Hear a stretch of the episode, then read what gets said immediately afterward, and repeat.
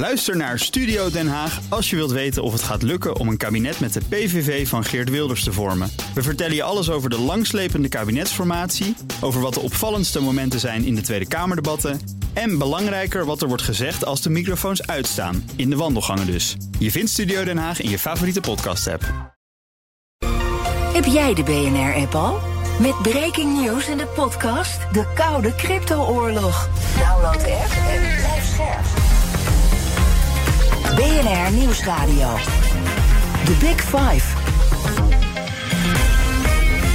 Art Rooijakkers. In een tijd waar eh, binnen de Nederlandse journalistiek de meeste aandacht lijkt uit te gaan naar opiniemakers en het zoveelste relletje, blijven onderzoeksjournalisten onverstoorbaar hun werk doen. Ze gaven door bergen data, gaan in gesprek met moeilijk bereikbare bronnen, ze lichten tegels. En ondanks toegenomen tegenwerking komen ze met primeurs die misstanden blootleggen en discussie, echte discussie op gang brengen. Daar schenken we aandacht aan in BNR's Big Five deze week in de wereld van de onderzoeksjournalisten. Vandaag met, nou, Bas Haan, de onderzoeksjournalist van Nederland. Daar wordt hij zelf ongemakkelijk van als ik dat zeg. Hij is onderzoeksjournalist bij NRC, was dat eerder bij Nieuwsuur... kreeg verschillende prijzen voor zijn werk... en zijn zoektocht in de Deventer-moordzaak werd zelfs verfilmd... met Fedja van Huwet, die Bas Haan speelde. Daar was je blij mee, denk ik, toch, of niet? Daar was ik blij mee, ja. Ik zat dus ook meteen te denken, wie zou mij dan moeten spelen? Als Fedja van Huwet is, dan is je leven geslaagd. Um, ja, nou, dat is, was wel heel eervol, dat klopt. Ja. We gaan het hebben over je journalistieke werk. Ik wil graag eerst twee dingen van je weten. Je hebt moeite met de term onderzoeksjournalistiek. Schreef daar zelfs een, een essay over. Is er nou mis mee? Het, is een, um, het suggereert dat er ook journalistiek is die geen onderzoeksjournalistiek is. En um, natuurlijk, ik verkeer in de luxe positie dat ik uh, me heel lang mag verdiepen in een bepaald onderwerp. Maar ik denk dat belangrijker is dat het gaat om een bepaalde mentaliteit. En als onderzoeksjournalist heb je ook de ongelofelijke luxe dat je op de schouders kunt staan van al die mensen die je dagelijks nieuws verslaan. En die uh, nou ja, de, de eerste ruwe schets van de geschiedenis geven. Dat je daarop door kunt gaan. En ook dat gedeelte, het niet-onderzoeksjournalistieke gedeelte, moet je natuurlijk met diezelfde kritische blik doen. Dus en wat je ziet is dat er ook nu journalisten zijn die klakkeloos berichten overnemen, bedoel je? Ja, en, en zeker in, in, in de, de overdaad en informatie die er dagelijks op je afkomt vind ik een belangrijker onderscheid dat er goede journalistiek en slechte journalistiek is. Mhm. En die goede journalistiek is absoluut niet alleen maar per definitie iemand die drie maanden voor een verhaal uh, kan doen. Nee, ik heb maar het is wel de kritische blik die je erbij hebt. Zeker, de vraag is een instelling. En dat geldt voor alle journalistiek. Dus natuurlijk, uh, ja, ik ben onderzoeksjournalist en ik vind het mooiste vak dat er is. Maar het op een eiland plaatsen van onderzoeksjournalistiek alsof het een, een, een aparte diersoort is, dat vind ik gevaarlijk. Ja, we gaan toch kijken of we een soort overeenkomsten kunnen vinden tussen jou en de vier collega's die eerder deze week zeker. te gast waren. Mijn, mijn, tweede vraag is: je schreef ook over uitroeptekens en vraagtekens. Journalistiek moet gaan over vraagtekens en gaat nu te veel over uitroeptekens. Ja. Um, nou, dan kom je eigenlijk op hetzelfde onderscheid. Je hebt goede journalistiek en slechte journalistiek. En goede journalistiek gaat uit van nieuwsgierigheid, van vragen en probeert te duiden, probeert uit te leggen, probeert te onthullen om daarmee uiteindelijk iets te bewerkstelligen. En daar krijg je dus aandacht mee. Als je dat omdraait, als het je gaat om. Ik, krijg, ik wil aandacht en no matter what, dan, dan, dan zet je de deur wagenwijd open naar um, dingen die je vermomt als journalistiek. Dus een mening van iemand, een, een, een, een nou ja, hashtag ophefonderwerp. En, en dat is, dat is anti-journalistiek. En dat, zijn, dat is uitroeptekenjournalistiek. En dat is dat is levensgevaarlijk. Levensgevaarlijk zelfs. We komen erover te spreken. Ik, ben, ik wil er graag meer van weten. Vooral ook omdat ik het nogal met je eens ben, om eerlijk te zeggen. um, maar eerst over jezelf. De Teven-deal, de Deventer-moordzaak, de Schiedammer Parkmoord. Je hebt verschillende, nou, het zijn indrukwekkende onderzoeken en verhalen achter je naam staan. Je hebt ook verschillende prijzen gewonnen.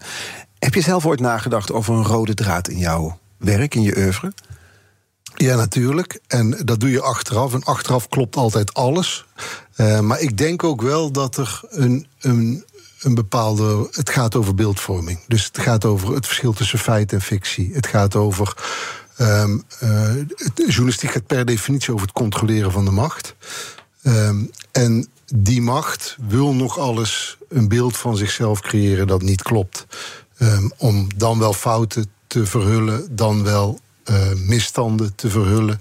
En ook dat is beeldvorming. En ik denk dat ja, dat, dat, dat, dat iets. Dat, mijn, ver in de vorige eeuw, toen ik nog geschiedenis studeerde, ben ik op beeldvorming afgestudeerd. En eigenlijk is dat grappig genoeg, heeft zich dat doorgezet. doorgezet. Ja. ja. Want die, die beeldvorming, is dat dan voor jou ook een startpunt vaak van je nieuwsgierigheid? Dat is een goede vraag. Maar ik denk het wel. Ik denk dat vaak een startpunt is dat, er, dat, ik, dat ik het gevoel heb dat er iets niet klopt en dat ik zelf wil weten hoe het zit. Dus als je kijkt naar waar ik nu bij NRC op het moment druk mee ben, is met verwarde personen en hoe daarmee omgegaan wordt. En hoe dat uh, misgaat, hoe ons zorgstelsel daarin fout gaat.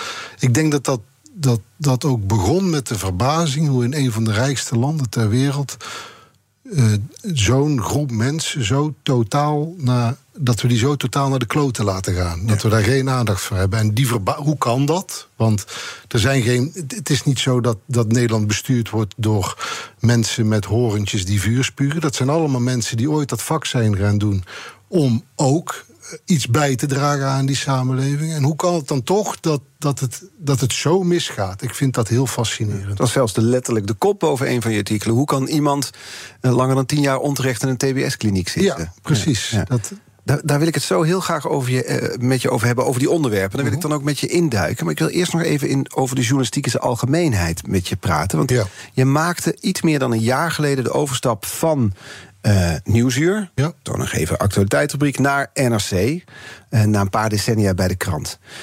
Waarom? Ja, de, de, simpelste antwoord is omdat ze me vroegen en ik zei ja. um, en, je had ook nee kunnen zeggen, Bas. Ja, maar kijk, op, ik, ik zat al ruim twintig jaar bij de publieke omroep. En ik zeg wel eens, iemand die in het eerste van eh, twintig jaar in het eerste van Ajax speelt, die gaat zich aan de doucheknoppen irriteren. Dus het, het is gezond om een overstap te maken. Um, bij Nieuwsuur... Naar een krant toe, zo'n medium dat nog veel meer op sterven naar dood is dan televisie? Nee joh. Nee, dat, dat, dat, dat, zie ik zo niet en dat heb ik ook nooit zo gezien. Het papier is op sterven na dood. Maar een nieuwsvoorziening niet. En de behoefte aan nieuws en aan serieus nieuws... en aan serieuze achtergronden en aan serieuze onthullingen... die neemt alleen maar toe. In tijden dankzij Trump uh, is, is de behoefte aan serieuze journalistiek alleen maar toegenomen. En het, het werk, of je dat nou voor de televisie doet of voor een krant, het, het onderzoeken, het graven, het tegels lichten, de basis van de journalistiek is hetzelfde. De uitingsvorm is natuurlijk totaal verschillend. Ja, en dan heb je bij televisie zoiets als, hè, dat is een massamedium, kijken veel mensen nou, ook in het geval van Nieuwsuur, je hebt over honderdduizenden mensen. Ja. Jij onderzoekt ook manieren om impact te maken, heb je ook over uitgelaten. Uh, je wil een rimpeling veroorzakende vijver. Is dat niet veel makkelijker bij televisie dan bij ja, zo'n zo zo'n archaïs medium als een krant? Blijf je verpesten? Ik denk dat het makkelijker is bij televisie. Um, maar tegelijkertijd. Kijk, de, bij, bij, Nieuwsuur heb je het voordeel dat is een samenwerking met de NOS. Dus eh, ik zei wel eens voor de grap, ik werk primair voor de NOS-app toen ik nog bij Nieuwsuur zat. Oh daarmee bereik je miljoenen mensen. Dus een verhaal dat in Nieuwsuur komt, komt ook op die app. En daarmee heb je meteen een miljoenen bereik. Dat is natuurlijk bij ehm, een krant als NRC, die ook op internet zit, maar wel achter een betaalmuur, is het veel moeilijker om die mhm. miljoenen te bereiken.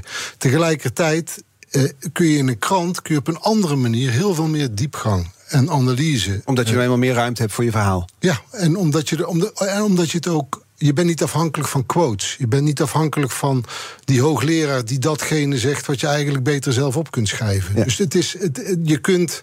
Je hebt het jezelf makkelijker gemaakt, bedoel je dat nu te nou, zeggen? Dat niet, maar het is anders. En uh, die, die, die andersheid bevalt me. Ik had natuurlijk al een paar boeken geschreven. En het, het medium schrijven past, maar dat is heel persoonlijk. Mm Past beter bij mij dan medium televisie. Maar dat wil helemaal niet zeggen dat ik daarmee het medium schrijven beter bij de journalistiek vind passen. Dan, het, is, het, het vult elkaar aan. en dat is ook iets wat ik zou toejuichen. Het moet elkaar aanvullen. Journalisten moeten niet concurreren, maar moeten juist meer elkaars goede verhalen overnemen. Maar snap je mijn idee dat als ik die, die, die verhalen noem die je hebt gebracht... de Deventer-moordzaak, de ja. Tevendeal, de Schiedammer Parkmoord... zijn zaken met groot maatschappelijk uh, belang voor een groot publiek. Dat ik dan denk, nu ga je naar, naar een medium toe met een kleiner bereik. Ja, dat denk, ik denk dat dat niet zo is. Dus ik denk dat, er in, dat we in een ontwikkeling zitten... dat, dat allebei die media dezelfde kant in gaan. Dat, um, op dit, je ziet lineaire televisiekijkers ook afnemen. hard, ik weet er alles van. Precies, dat is toch een soort van... Uh, um, Ravijn voor, voor het bejaardentehuis, mm plat gezegd. En dat geldt ook voor de papieren krant. Maar dus ik had gedacht, weet je wat Bas Haan gaat doen? Die gaat voor een streamer, zo'n betaalplatform... Voor, voor, of nou Netflix of Videoland is, documentaires maken... waar die uit uitgebreid de tijd voor krijgt. En dat ja, wordt, die vroegen me niet. Maar, ja, dat is het. nee, maar de, het, ik denk dat, dat, allemaal, dat het uiteindelijk over, over vijf jaar... Dan, dan is... De NRC is een merk. En dat is natuurlijk een van de meest kwalitatieve merken in Nederland op het gebied van journalistiek die er is. Zoals ook Nieuwsuur een merk is en de Volkskrant een merk is. En Bas Haan inmiddels een merk is. Nou ja, dat. dat, dat, dat, dat uh, ja, vals bescheiden. Ga maar door met Nee, ja, maar dat is zo'n ingewikkelde. Want tegelijkertijd, ik snap het. En ik vind het ook heel goed dat journalisten hun verhaal persoonlijk proberen te verkopen. Dat doe ik ook. Dus daar waar ik kritiek heb op talkshows, ga ik er ook zitten als ik mijn verhaal kan pluggen. Dus mhm. dat, daar zit een tegenstelling in. Maar het moet wel altijd om het verhaal gaan. En niet om de persoon die het brengt. Dus je, je bent als journalist, als je jezelf kunt. Ehm, ik zou bijna zeggen, prostitueren om je verhaal te verkopen. Prima. Maar het gaat om het verhaal. Mhm. Het gaat niet om jou. Het gaat niet om de journalist. Dus wat dat betreft vond ik het ook fijn om die overstap te maken. Want bij televisie is dat nog sterker. Dat, je, dat de journalist een merk wordt. En ook al begrijp ik dat, ik vind het wel prettiger om nu gewoon één van die veertien mensen van een onderzoeksredactie. Ja, het is een grote onderzoeksredactie waar je nu onderdeel van uitmaakt. Ja, en bewijs je maar met de verhalen. Niet met, met jezelf, maar zorg maar dat je verhalen goed genoeg zijn. Maar, en dan probeer je dus impact te maken met je verhalen. Of dat nu op een medium is, hè, zoals NRC of bij Nieuwsuur. Er zijn allerlei mogelijke manieren voor. Dat is deze week een aantal keren ter sprake gekomen. Ik heb jouw naam er ook bij genoemd. Ja. Omdat ik begreep dat jij zegt, ja, er is zoveel ophef. Er zijn zoveel nieuwsartikelen. Er zijn zoveel onthullende koppen. Probeer nog maar eens op te vallen. Je moet juist de nuance opzoeken. Je moet de lezer meenemen in je verhaal. Nuance kun je heel eh, snel verkeerd uitleggen. Want ik zeg niet dat je nieuws genuanceerd moet brengen. Ik bedoel, als, als je een misstand te pakken hebt, dan ga je er vol met een gestrekt been in. Mhm. Niks genuanceerd. Je knalt alles eruit wat je ontdekt.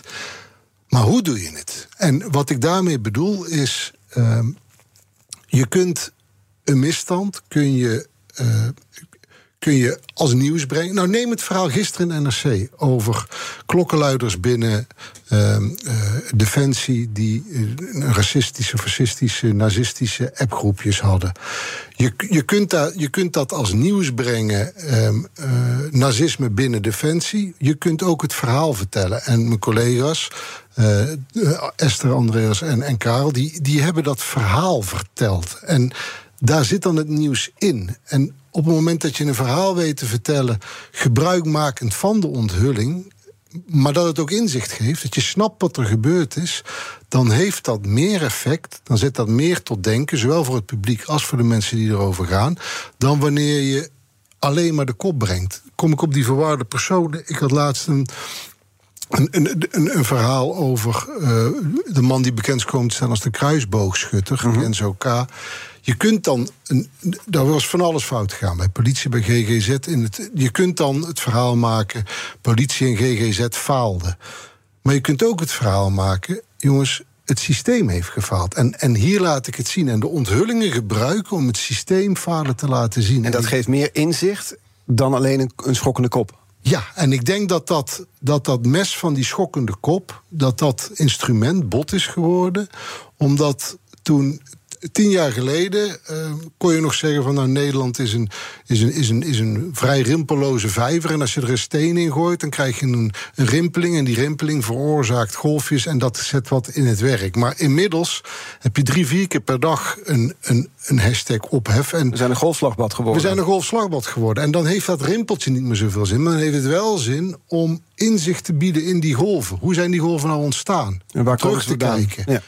Waar, komen ze vandaan? Hoe is, het systeem, hoe is het systeem fout gelopen dat dit kan gebeuren? Dus ik ben absoluut nog steeds voor de onthulling. Voor de, natuurlijk, dat is hardcore wat we doen. Maar vervolgens moet je wel, Hoe ga je denk ik, nadenken... wat breng je ermee? Ga je, het zo, ga je het in uitroeptekens brengen... of ga je de uitroeptekens die je ontdekt hebt... gebruiken in het verhaal om het totaalplaatje te schetsen? The Big Five. BNR Nieuwsradio. Art Rojakkers. Met vandaag de gast Bas Haan, onderzoeksjournalist bij NRC. Ik ga jou zelf citeren, Bas. Je schreef eens: Als journalist heb je de luxe je leven lang als dat kleine jongetje in de zandbak te mogen blijven spelen. En tot in den treuren te blijven vragen: waarom? Gewoon omdat je het wil weten, uit pure oprechte nieuwsgierigheid. Daar beginnen jouw verhalen dus. Zo is het. In de zandbak. Ja, absoluut. Dus eigenlijk is het super egoïstisch. Je kunt wel zeggen, ik probeer de wereld te verbeteren. Ja. Maar eigenlijk probeer je gewoon iedere dag heel veel lol te hebben. Ja.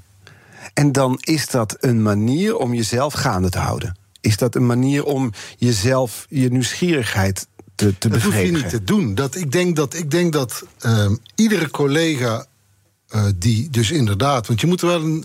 niet iedere journalist wil dat maandenlang in een dossier verzuipen... en tot in den treuren dossiers doornemen en nog een keer en nog een keer... tot je... Dat, lang niet iedereen wil dat. Dus om dat te willen moet je ook een bepaalde ja, gekte hebben... een bepaalde... ehm, er- moet iets mis met je zijn. Wat is er mis met jou dan? Wat is er mis met mij? Ehm, ik, ik wil die. Ik wil die vinger op die. Ik wil die, die structuur creëren in chaos. Ik wil die rode lijn ontdekken. En waar komt die, die behoefte vandaan, denk je? Heb je daar wel eens over nagedacht? Jazeker, en ook dat is achteraf lul je alles recht. Ja. Maar ik denk wel dat ook hier een kern van waarheid in zit. Ik, ik ben een beta die verdwaald is in de journalistiek. Dus ik ben ooit begonnen eh, met technische natuurkunde. Overigens in het eerste jaar al, al mee gestopt, eh, omdat ik er niet gelukkig werd. Maar ik- twijfelde tussen natuurkunde of de kunstacademie. En ik, denk dat in de journalistiek, in de onderzoeksjournalistiek... Dat, samenkomt. ik de, dat het samenkomt. Je bent en creatief bezig, dus je bent, je bent iets aan het creëren... je bent de verhalen aan het, aan- bij elkaar aan het zoeken... maar je bent ook die analyse aan het toepassen van eh, structuur in chaos. En ik denk dat dat iets is... ehm, eh, ja, en eh, toch die, die, die, dat vingertje van de ander willen uitleggen hoe het zit, dat is, vrees ik ook wel. Ik ben de zoon van een ex-priester, dus ik vrees Ah, dat dat kijk, er ook Nu in komt zit. alles in één Ja. keer samen. Ja, ja, ja, ja, ja.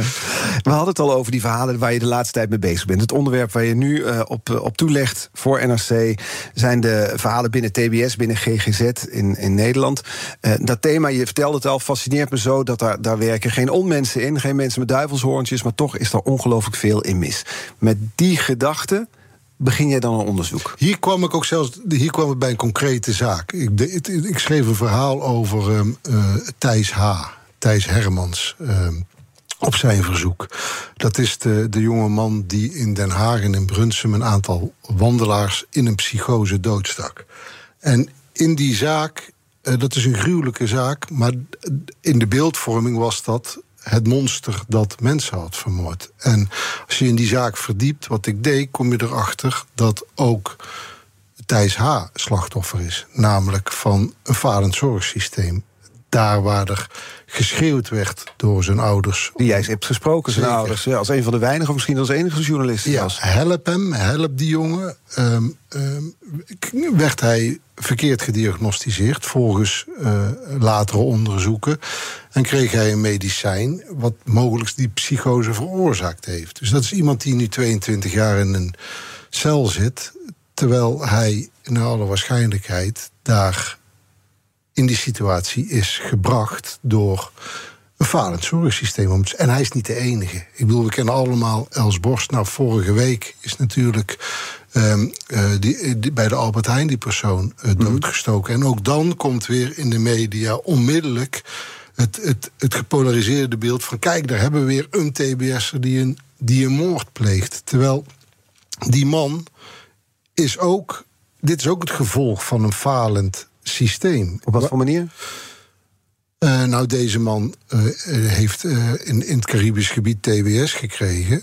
maar die TBS is niet ten uitvoer gelegd. Met andere woorden, als hij in de TBS had gezeten, was hij helemaal niet dood. Dus om dan weer de schuld te geven aan de TBS, dat, dat is een platitude die niet klopt. Want TBS had kunnen voorkomen. Maar ook hier gaat het om iemand die natuurlijk gewoon opgenomen had moeten zitten. En hoe kan het nou dat die mensen, dat die mensen aan hun lot overgelaten worden. Soms tegenovergesteld. Een prachtige metafoor is dat je laatst in Rotterdam... werden de bankjes op Centraal Station weggehaald... zodat de overlast van mensen die daarop sliepen werd voorkomen. Maar in plaats van dat we die mensen die daar moeten slapen... met hun probleem helpen, bestempelen we ze... Die Als mensen als het probleem. En in een van de fundamentele fouten die ik met die verhalen nu probeer te laten zien, is, is precies dat. Dat mensen die, die complexe problemen hebben, verslaafd zijn, psychotisch zijn, vaak tegelijkertijd, eh, niet zelden ook verstandelijk beperkt. Dat zijn mensen die niet zelf redden. En in plaats van dat we die mensen uh, de juiste hulp geven, geven we die mensen pas hulp als het te laat is, als ze een misdrijf gepleegd hebben. En zie je daar nu verschil in hoe we daar nu mee omgaan met bijvoorbeeld 10 of 15 jaar geleden? Uh, ja, de, de, de, de, het aantal bedden, om het zo maar te noemen, dat, dat geschikt is voor deze mensen, waar deze mensen vaak voor de rest van hun leven uh, onder toezicht kunnen leven die zijn, die zijn wegbezuinigd. Dus door decentralisatie van de zorg, door het afschuiven van verantwoordelijkheden, is dat in de afgelopen tien jaar. Omdat gemeenten heel veel verantwoordelijk zijn geworden in plaats van de centrale overheid. Ja, je kunt het, zo kun je het, ik zou het wat, wat lomper formuleren qua nuance, omdat de Rijksoverheid zijn verantwoordelijkheid heeft um, over de heg heeft geflikkerd bij de gemeente. Um, en eh, aan de zorgverzekeraars heeft uitbesteed die een verdienmodel hebben. In plaats van um, dat de Rijksoverheid de wettelijke verantwoordelijkheid neemt voor een zorgplicht voor deze mensen. Ja. En meervoudige problematiek, dat is geen zorgmodel. Nee, kijk, als jij, als jij naar de dokter gaat en je hebt een psychose, dan ga je naar een kliniek waar jij in je psychose geholpen wordt. En een paar weken later dan zijn je medicatie goed afgesteld en dan ga je weer naar huis. Als jij te veel alcohol drinkt en je bent verslaafd, dan ga je naar een verslavingskliniek en dan probeer je ze vanaf te helpen en dan ga je weer naar huis. Dan combineer je die twee. Maar als je gecombineerd bent, dan zegt de ene kliniek ja psychose, doei, we kunnen hem niet helpen, hij is verslaafd. En bij de verslavingskliniek zeggen ze, ja, doei, die man is ook... En zo kom je tussen de wallen en het schip. En dan, er is dus geen diagnose-behandelmethode voor jou. En dan heb je een probleem en dan kom je uiteindelijk op straat... tot je iemand overhoofd of, of, of honderd winkeldiefstallen uh, pleegt... en dan kom je uh, in de cel en dan word je rondgepompt... In dat, je valt in een zwart gat. Ja, en dan is daar nu dus journalist Bas Haan... die denkt, dat wil ik in kaart brengen. Je, dat verhaal, ik zou zeggen, iedereen moet het lezen... over een jongeman die al tien jaar zonder veroordeling in de TBS-kliniek zit. Nou, het gaat niet alleen daarover, maar die komt voor in jouw reportage. Uh, het, ik zat het gisteren nog eens te lezen en op het plat Nederlands gezegd, je broek zakt er vanaf. Het is ongelooflijk dat dat inderdaad gebeurt. In dit rijke In dit rijke land. En dat daar heel veel mensen voor verantwoordelijk zijn. Maar niemand zijn verantwoordelijkheid kan nemen, wil nemen of gaat nemen, lijkt het. Wat is jouw doel dan nu met deze verhalen? Wil jij een verandering of wil je het in kaart brengen? Allebei. En ik wil ook, het, het, is namelijk ook nog een metafoor van nog iets. Uh, dat op dit moment, het is niet alleen in de zorg, de uitvoeringsinstanties in Nederland. Uh, die staan onder grote druk. Of het nou de Belastingdienst is, of het is de politie, of het is uh, de zorg, of het is het UWV, of het is. ik zou bijna zeggen, noem het maar op. Mm -hmm. En um, door op één zo'n dossier in te zoomen en te laten zien dat er geen complotten zijn, dat er geen um, uh, kwaadaardige bestuurders zijn die het moedwillig fout doen, maar dat het daadwerkelijk systeemfalen is, omdat mensen niet hun verantwoordelijkheid nemen, omdat verantwoordelijkheden te veel versnipperd zijn. Dan, dan leert dit, dit verhaal over die verwaarde personen, zegt ook iets over al die andere dossiers waar het fout gaat. En dat doe ik niet. Godzijdank zijn er dus ook journalisten die op die andere dossiers. Mhm. En al die, die journalistieke producties samen laten zien ja, wat, wat er misgaat. En dat is de toegevoegde waarde. Dus je, bent, je probeert als één radartje probeer je eruit te lichten, dat iedereen dat verhaal meekrijgt. Maar je probeert ook dat radartje te zijn in het geheel van de journalistiek die daarmee de macht controleert. Zowel abstract als op concreet niveau. Dan zullen ze bij het Openbaar Ministerie op dit moment opgelucht zijn dat jij je niet op hen richt, maar op de Nou, in, de, in het verhaal van, uh, van uh, Thijs Hermans. Heeft het daar weer mee te maken? Heeft het Openbaar Ministerie zich echt totaal misdragen. Dus daar ben ik ook nog niet klaar mee. Nou, dat zijn uh, omineuze woorden uit de mond van Bas Haan. We praten zo verder met hem in deel 2 van de Big Five. Dan gaan we het over van alles met hem hebben. Bijvoorbeeld over die Deventer-moordzaak, waar hij zich mee bezig heeft gehouden. En wat dus uiteindelijk zijn verhaal verfilmd werd. Blijf luisteren. Ook Liesbeth Staats vind je in de BNR-app. Ja, heel handig. Luister live naar Kees en mij tijdens de Daily Move. Dan blijf je ook gelijk op de hoogte van breaking news en het laatste zakelijke nieuws. En daar vind je ook alle BNR-podcasts, waaronder de Perestrooikast. Download nu de gratis BNR-app en blijf scherp. Blijf scherp. BNR Nieuwsradio. The Big Five. Art Rooijakkers. Welkom bij tweede half uur. Deze week vijf kopstukken uit de wereld van de onderzoeksjournalisten. Eerder deze week sprak ik met FD-journalist Gabi de Groot over zijn verhalen rondom de Panama Papers. Het is interessant om te luisteren hoe dat gaat, zo'n internationaal eh, samenwerkingsverband van journalisten. Het is terug te luisteren als podcast via de BNR-app. Vandaag de gast NRC-journalist Bas Haan. Komend half uur wil ik graag nog twee onderwerpen sowieso met je bespreken. Namelijk ja, of je vaak wordt tegengewerkt in je, in je onderzoek en op welke manier. En wat de invloed is van de publieke opinie op jouw werk. Daar ging je net al op aan, zag ik. Dus die Ja. bewaar ik nog heel even. We gaan snel naar de kettingvraag toe. Want gisteren was mijn gast Erik Smit van Follow the Money, hoofdredacteur daar. De nodige primeurs op zijn naam staan. En hij had deze vraag voor jou. Nou, kijk, iedere journalist heeft in zijn, zijn, zijn oeuvre wel eens een, zeg maar, een rimpeling zitten. Of iets wat hij net niet heeft opgelost. Of een, ja, of een zaak waarvan je denkt: ja, god, hier ben ik toch eigenlijk tegenaan gestoten. Het was wel een mooie primeur. Maar, dus mijn vraag aan Bas Haan is: welk eh, laken in jouw journalistieke oeuvre zou jij glad willen strijken? Ja, ik hoorde hem natuurlijk gisteren en ik vind het een hele mooie vraag. En ik heb er ook echt over nagedacht. En ik, ik kom zo met een concreet antwoord, maar ik denk bijna allemaal. Ik denk dat er in bijna ieder verhaal wel een rimpeltje achterblijft. Dus dat je iets, zelfs bij hele grote onthullingen, dat, nou neem als voorbeeld de bonnetjesaffaire, de tevendeal, weet je wel? Dat, dat, je zou zeggen, dat was, daar kan een strik omheen en het is klaar. Ik bedoel, moesten drie eh, bewindspersonen aftreden, maar uiteindelijk was het Ehm, dat boek dat ik erover geschreven heb heet De Rekening voor Rutte. Dat was niet voor niks, omdat hij als eindverantwoordelijke de leugen in, in, stand hield. En dit was in de periode 14, 15, 16, 17. En ehm, die leugen, die heeft hij nooit erkend. En dat irriteert me mateloos. En inmiddels, toen was, was het nog wel een dingetje om een, om een minister, zeker de premier, van leugens te betichten. Nou, inflatie is niet alleen bij geld, maar ook bij leugens. Want inmiddels Er zijn er wel meer. ja, is het iedere week eh, staat, staat hij bijna bekend om de hoeveelheid leugens die hij heeft uitgesproken. Maar dat zijn dingen die irriteren. Of nog verder terug, de Schiedammer Parkmoord. Dat een advocaat-generaal die uiteindelijk glashard staat te liegen in de rechtszaal, dat die beloond wordt met een rechterschap. Dat, dat, dat maakt me boos. Maar een, een echte rimpel, ja, dan kom ik toch dichterbij. Dan kom ik weer bij het verhaal van Thijs H.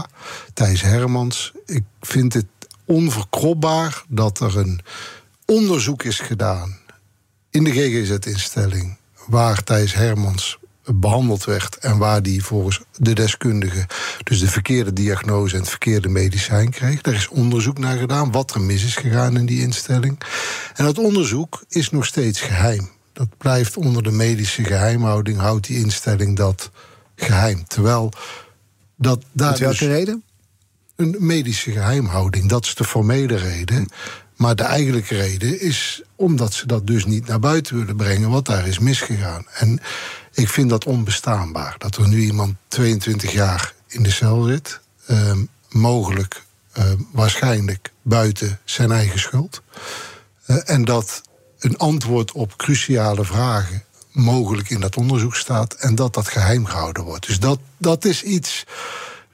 Als je een concrete rimpel zoekt in een concreet laken, nou, dat is hem. Ja. Dan, dan heb je het dus over, jij zegt het is, eh, hij zit daar waarschijnlijk dus, hè, die 22 jaar, terwijl er hele andere redenen achter zitten. Daar doelde ik op met de publieke opinie. In de publieke opinie is Thijs H. een monster dat mensen heeft vermoord. Was. Willekeurige. Het is, ik durf te zeggen dat het door die publicatie Is gelukt is om dat beeld te veranderen. En dat is precies de kracht. Dus verkeerde woordkeuze. Hij was een monster Ja. in de ogen van veel mensen. Jij hebt dat beeld recht proberen te zetten met je verhalen. Die publieke opinie, is dat dan. eh, wat voor invloed dat heeft op je, was de vraag. Is dat een motor voor je dat je denkt, maar dat wil ik rechtzetten? Of hoe werkt dat dan? bij Allebei. Dus ja, dat wil ik. Dus dat is, dat, dat is die beeldvorming. Tegelijkertijd is het ook een motor waar ik gebruik van maak. En dan kom je terug naar waar we het begin over hadden. Je hebt goede journalistiek en je hebt slechte journalistiek. Dus de basisjournalistiek, en er is heel veel goede journalistiek. We hebben prachtige dagbladen in Nederland, prachtige televisieprogramma's. Die Heet de radio niet. Prachtige radioprogramma's. Prachtige podcast. Die, ehm, die, die, die inhoud, feiten voorop stellen en die die duiding proberen te geven. Je hebt daarnaast een ongelooflijke hoeveelheid bagger die dagelijks op je afkomt. Maar goed, de meeste van die bagger is ook wel herkenbaar als zijnde bagger voor de meeste mensen. Is Bedoel je programma's van Maurice de Hondberg aanschrijven? Ja, ach, dat doet hij gelukkig niet meer. Dus eh, einde de onderwerp. Maar, da- maar, dat, maar, maar er zit tussenin heb je inderdaad de talkshows. En, ehm, eh, en meerdere journalistieke of semi-journalistieke uitingen... waarin het, de, grens tussen serieuze journalistiek en amusement vervaagt. Waarin feiten en meningen vervagen. En, en dat, is, dat is de publieke opinie die ik gevaarlijk vind. Want daarin kunnen meningen tot feiten verheven worden. Daarin kunnen emoties de overhand krijgen. En daarin gebeurt wat je op social media natuurlijk heel extreem ziet gebeuren. Daarin kun je, wordt de polarisatie gevoed in plaats van gedempt. Ja, en dan, maar je ziet dat mensen, bijvoorbeeld zelfs Stuart Verlinde zat, zat overal aan talkshowtafels. eh en meningen over van alles en nog wat te spuien. Ja, Dat is wat je ook bedoelt. zeker. Dat dus, is entertainment. ja, dat is entertainment vermomd als journalistiek. Er is niks mis die met aanschuift bij een tafel tegenover een KLM-directeur... om te zeggen dat we niet zo moeten zeuren over dat vliegen. Of Maurice Stond tegenover het RIVM. Je noemde zelf het voorbeeld. Die geriatrische patiënt op SBS, eh, Johan Derksen, die weer eens iets roept. over Marokkanen en voetbal. Noem het maar op. En dan moet de premier daarop reageren. Nou, dat is, dat is, dat is echt problematisch. En. ehm, eh, kijk, er is niks mis met amusement. Ik, ik, heb, ik lag ook wel eens in bed naar Geer en Goor te kijken. Maar dat, dat, dat doe je niet om te, te weten hoe de wereld in elkaar zit. Dat doe je gewoon om, ter ontspanning. is wel lang geleden. Maar goed, dat, maar als het bij elkaar komt, dus dan wordt het gevaarlijk. Want dan worden. da- Dan, dan, ja, het is een verschrikkelijk woord, nepnieuws. Maar dan, dan krijg je. Dan krijg je ehm, eh, populisme in de journalistiek. Je had het over levensgevaarlijk aan het begin van de uitzending. Zeker. En dat nog is- een uitspraak. Ja, nou ja, dat is misschien. eh, Je gaat er niet dood van. Maar wat ik daar wel mee bedoel, is dat het, het, het, het verwaterende onderscheid tussen feit en fictie. is wel iets wat, wat je op dit moment. Dat, de bestorming van het kapitool is daaraan gekoppeld. De opkomst van. Ook in onze Tweede Kamer zitten mensen die de meest waanzinnige theorieën verspreiden en roepen, die een aantal jaar geleden echt ondenkbaar zouden zijn. En ik denk dat dat komt doordat die vervaging tussen feit en fictie steeds sterker wordt. En dat het dus een taak van de journalistiek is om daar toch proberen. Orde in te scheppen. Orde in te scheppen. En, en, en de uitdaging voor ons is het om dat niet alleen te doen voor ons eigen bubbeltje van NRC-lezers of BNR-luisteraars, maar om dat te doen voor op een manier dat het ook dat grote publiek bereikt. Dus dat je dus niet. Dat je, dat je ook die mensen die niet geabonneerd zijn op NRC met dat verhaal bereikt. En vandaar dat ik ook zeg van ja, en dan maak ik er zelf ook gebruik van, van die motor van de publieke opinie, om een verhaal te, te verkopen als dat kan. Ja. Je, de Deventer moordzaak is natuurlijk een van de bekendste zaken waar je aan gewerkt hebt. Je hebt er ook een boek over geschreven. Daarmee wilde je het publiek laten zien hoe gevaarlijk manipulatie en beeldvorming is. Ja. Ehm, dat die, die beeldvorming was, da- daar ging je in eerste instantie aan mee. Er was een, een boekhouder, hij werd boekhouder genoemd, terwijl hij dat officieel niet was. Ja. Eh, Ernst Lauwers. Die, die werd verantwoordelijk geacht voor de moord op eh, de 60-jarige weduwe Jacqueline Wittenberg. was in september 1999 alweer in Deventer. Jij dacht, net als veel mensen, is onjuist bewijs. Eh, hij zit dus onterecht vast. Dat dacht ik niet alleen, dat kon ik aantonen. Ja. Dus de, de, de aanvankelijke veroordeling van die man, die klopte niet. Nee, toen kwam een nieuw bewijs tijdens de her- herziening, waardoor Ja. Lauwers werd veroordeeld. En toen, toen oh sorry, ja? Toch? Ja, Ja. En toen was, toen, maar toen was het beeld van het slachtoffer van het systeem al zo sterk, want hij was immers vrijgelaten door. De, daar, daar, daar, de publieke opinie had hem al in de armen gesloten. Dus dat nieuwe bewijs, daar moest wel iets mis mee zijn. En op dat sentiment. Dat is precies dat sentiment wat je net beschrijft. Je had alleen toen nog geen social media, maar je had wel al internet. En je had Maurice de Hond, die daar met zijn website opdook. En die in de talkshows, dus gebruikmakend van niet eh, Twitter, want dat was er nog niet, maar wel zijn eigen weblog en de talkshows, wist hij die mediacampagne te starten. En de klusjesman had het toen gedaan, volgens heel Nederland. Dat is precies die beeldvorm. Ik schreef daar dat boek over, 2009. Maar de grap is, eigenlijk is dit een prachtig voorbeeld. Dat, dat boek, daar zijn misschien 15.000 exemplaren van verkocht. Ehm, dus de, de, de goed geïnformeerde krantenlezer wist dat dat boek er was en had een één op de 10.000 mensen had dat boek ook daadwerkelijk gelezen. Mhm. Maar daarmee was het grote publiek was nog niet bereikt. 15 jaar na dato ehm, komt Bind met de film uit. En hebben ze er ook een podcast van gemaakt. Dus eh, wordt, er een, wordt, dat, wordt dat boek wordt verpodcast en verfilmd.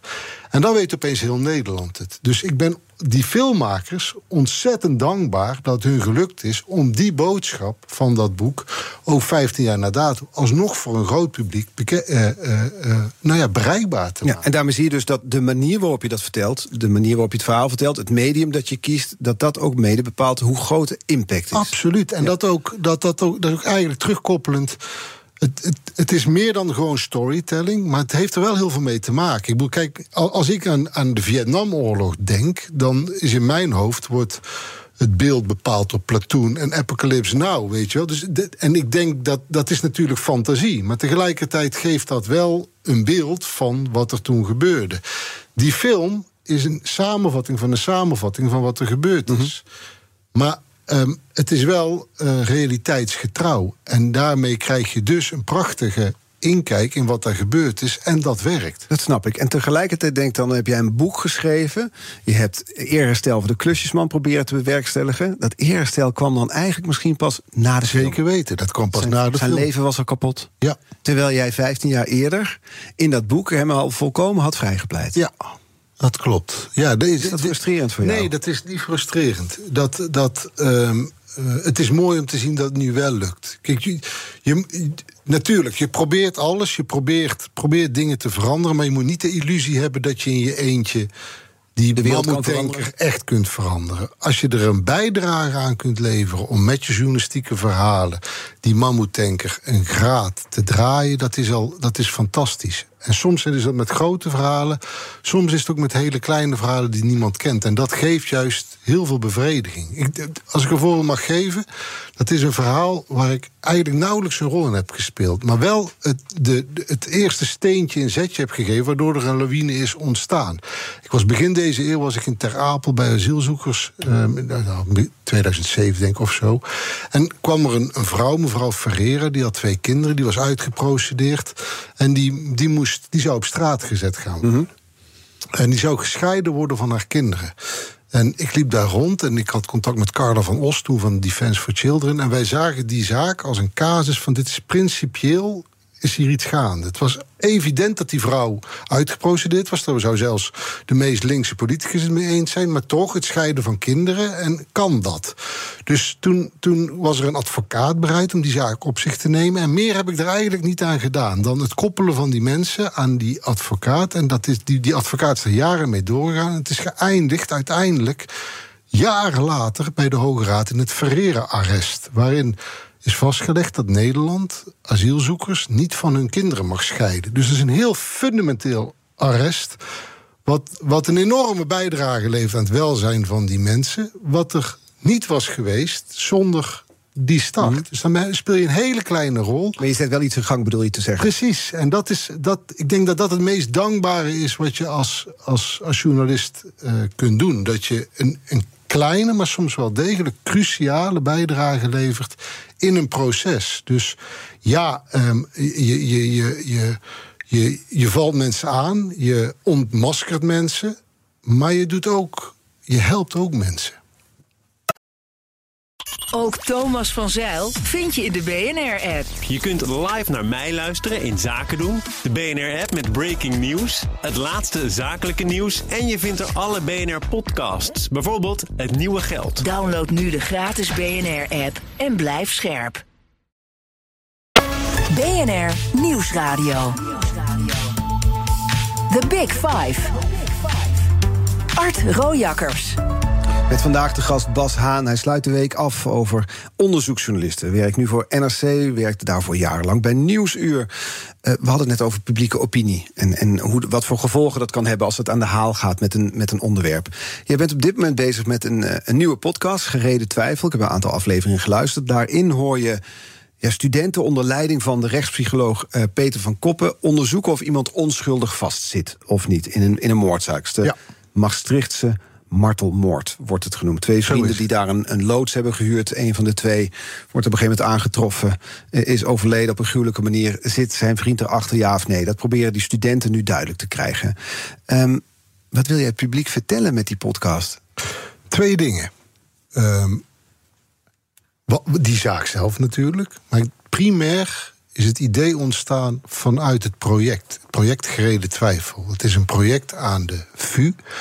Waar Peter Verkoppen en een aantal andere rechtspsychologen al jarenlang ehm, concrete zaken waar twijfel over is, door studenten laten onderzoeken. Dus eventjes anders dan waar ik normaal onderzoeksjournalist ben, Hier kijk je mee. kijk ik mee. En dat doe ik ook vooral niet alleen. Dat doe ik samen met mijn collega's Gabriella Ader, Tessa Verkolen en, en Anne Korterink. En dat, het is heel gedienstig. Wij volgen die studenten. En door die studenten te volgen, zij doen het onderzoek.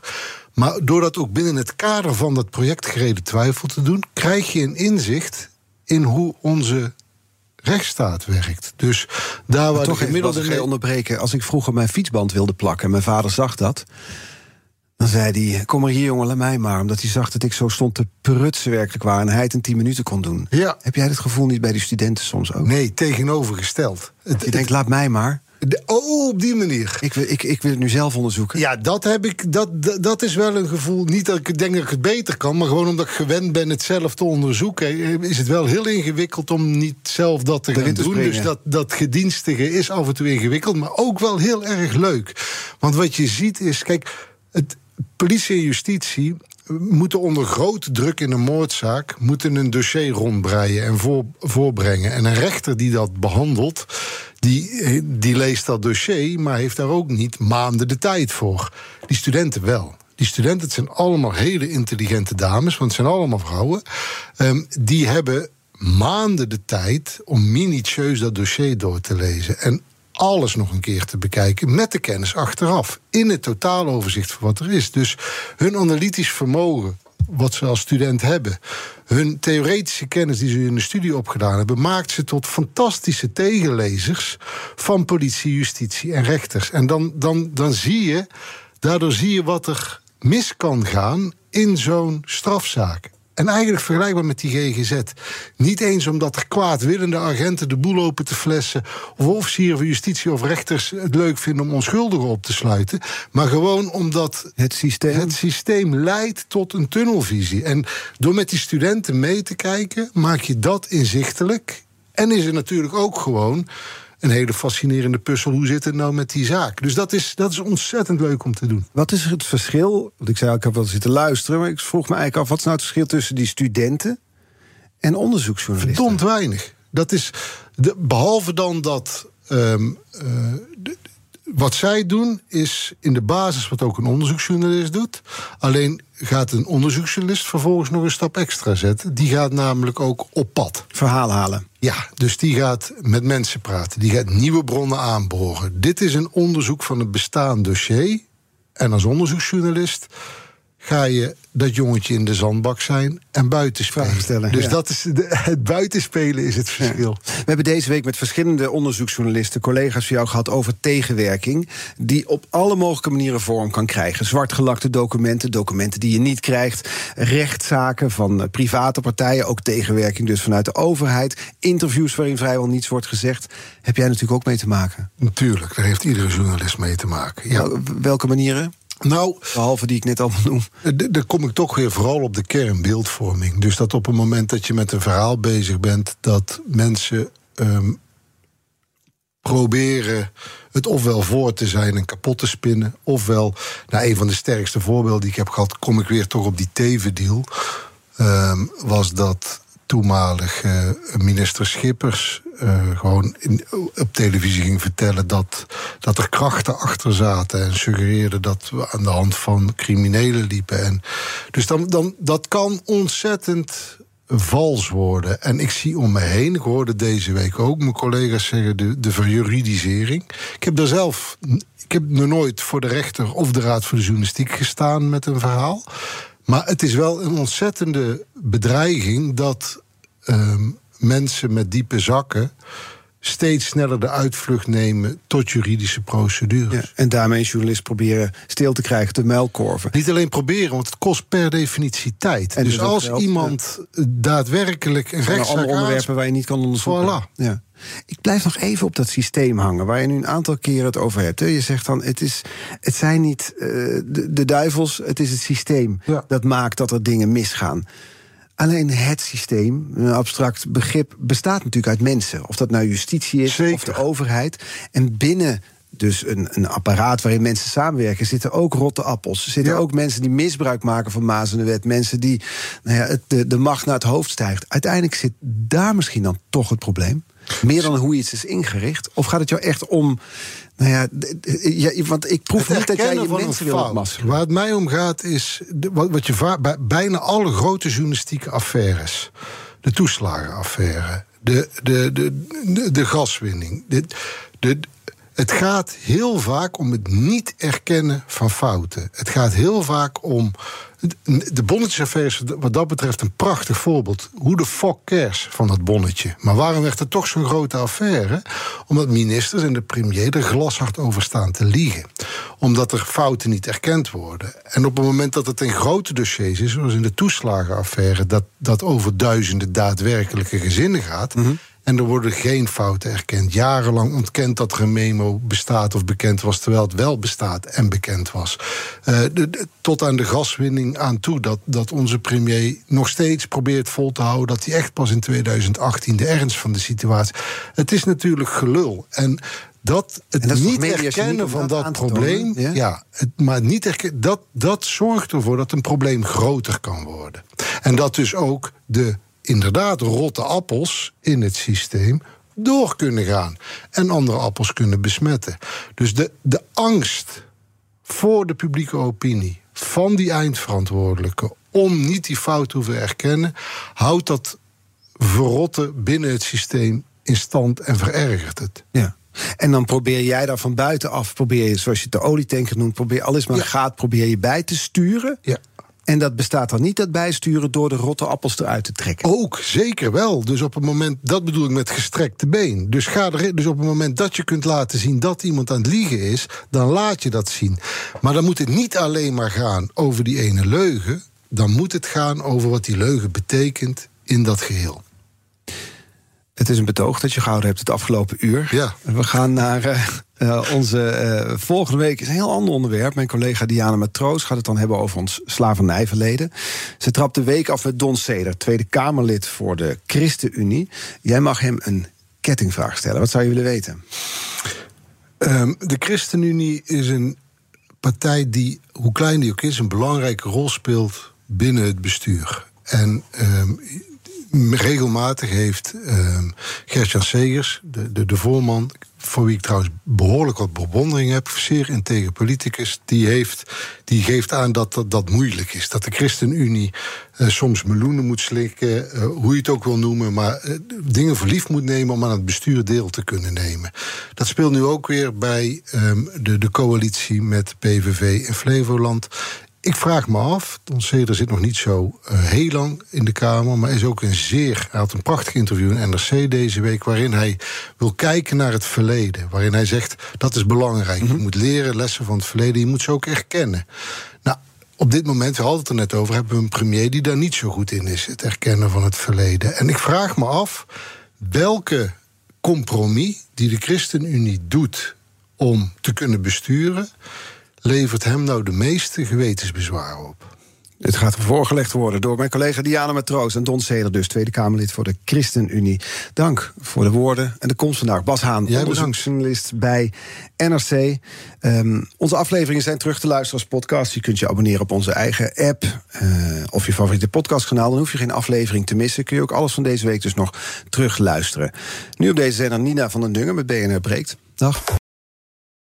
Ook Bas van Werven vind je in de BNR-app. Ja, je kunt live naar mij en Iwan luisteren tijdens de ochtendspits. Je krijgt een melding van Breaking News. En niet alleen onze podcast Ochtendnieuws, maar alle BNR-podcasts vind je in de app. Download nu de gratis BNR-app en blijf scherp.